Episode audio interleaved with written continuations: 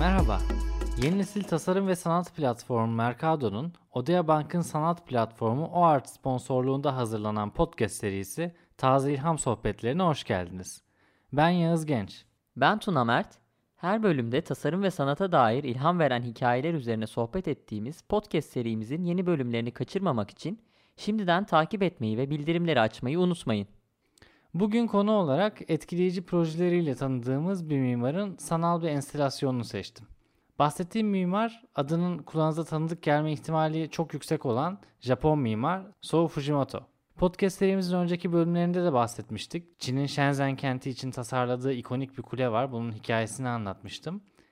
Yeniden radarımıza giren ve bugünün konusu olan projesi ise karma gerçeklik yani mixed reality gözlükleriyle deneyimlenebilen bir sanat enstalasyonu olan Medusa.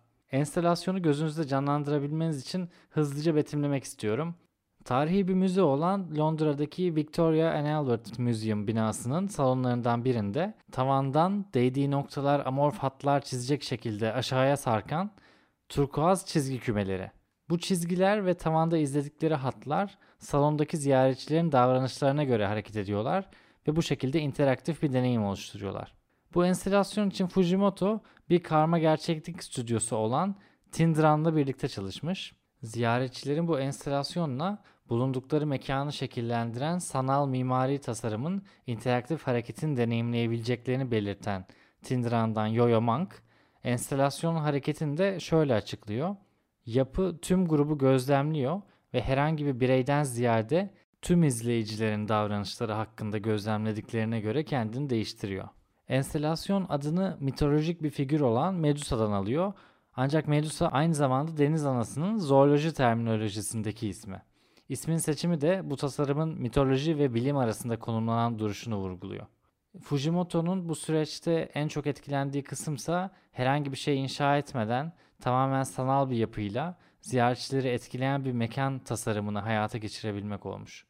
Karma gerçeklik gözlüğünün insan gözüne yansıttığı ışıkla yaratılan bir deneyim bu sonuçta ve bundan dolayı ışığın önemini vurgulamak için enstalasyonda da ziyaretçilerin ışığı takip ettikleri bir kurgu oluşturulmuş ve ziyaretçiler içeride buna göre yönlendirilmiş.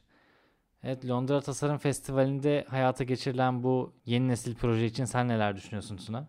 Sou Fujimoto ilk kez sanırım bu tarz dijitali bu kadar kullandığı bir çalışmasıyla hani görüyoruz. Mixed Reality denen bu yeni dijital mekansal deneyim oldukça heyecan verici. Üstelik bunu da Fujimoto gibi e, dünyaca ünlü bir tasarımcının ve daha önce hiç denemediği bir şekilde yapması e, daha da keyifli.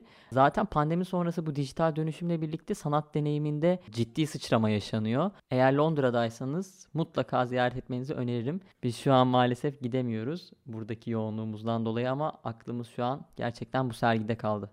Bu projenin de görsellerine mutlaka göz atmalısınız bence. Sizin için her zamanki gibi bir link hazırladık. Spotify mobilden dinliyorsanız şu anda açıklamalar kısmında bulup tıklayabilirsiniz. O linkin içinde bütün görseller mevcut. Yağız'ın bahsettiği proje Londra Tasarım Festivali kapsamında gerçekleştirilmiş.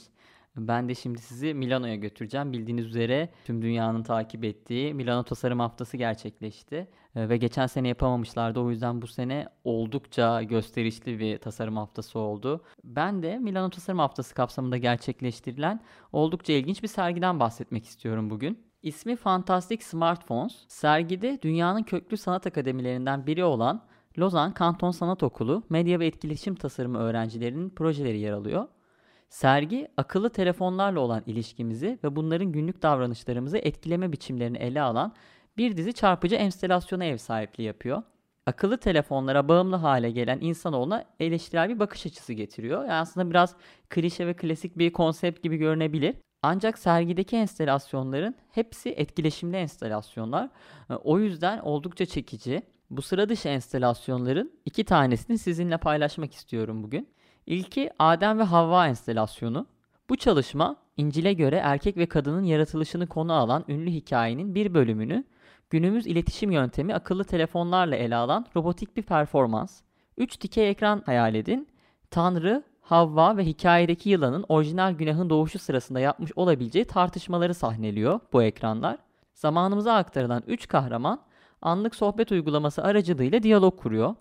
Her ekran kahramanlardan birinin akıllı telefon görünümünü temsil ederek devam eden tartışmalarını takip etmemizi sağlıyor.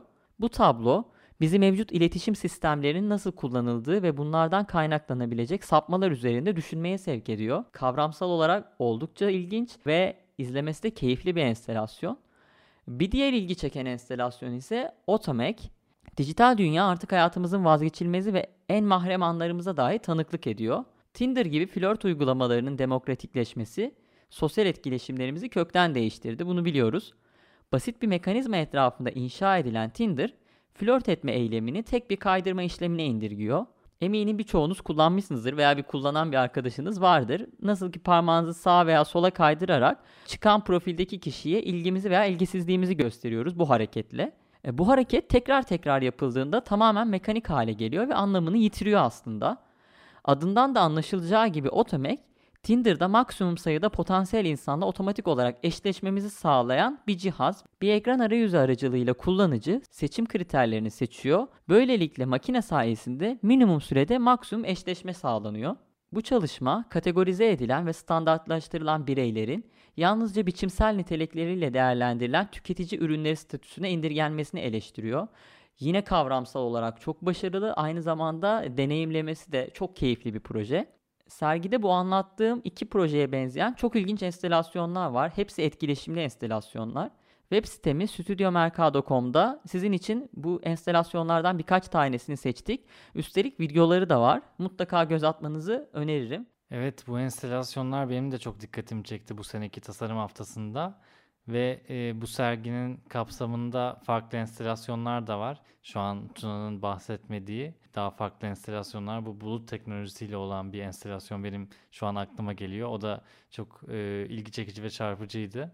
Bunun yanında yine selfiler ve filtreler üzerinden kendimize bakışımızı irdeleyen bir proje vardı.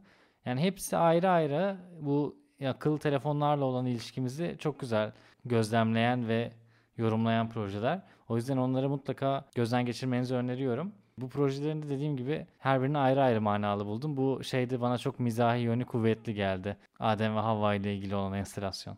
Senin bahsettiğin gibi bu enstelasyonlardan bir tane daha favorim var. Selfie çeken robot. Oldukça güzel videosu var. Yani mutlaka web sitesinde videosunu da izleyin. Selfie çeken robota insan hani şaşkınlıkla izliyor ama aslında orada kendimizi izliyoruz. Keyifli bir sergi.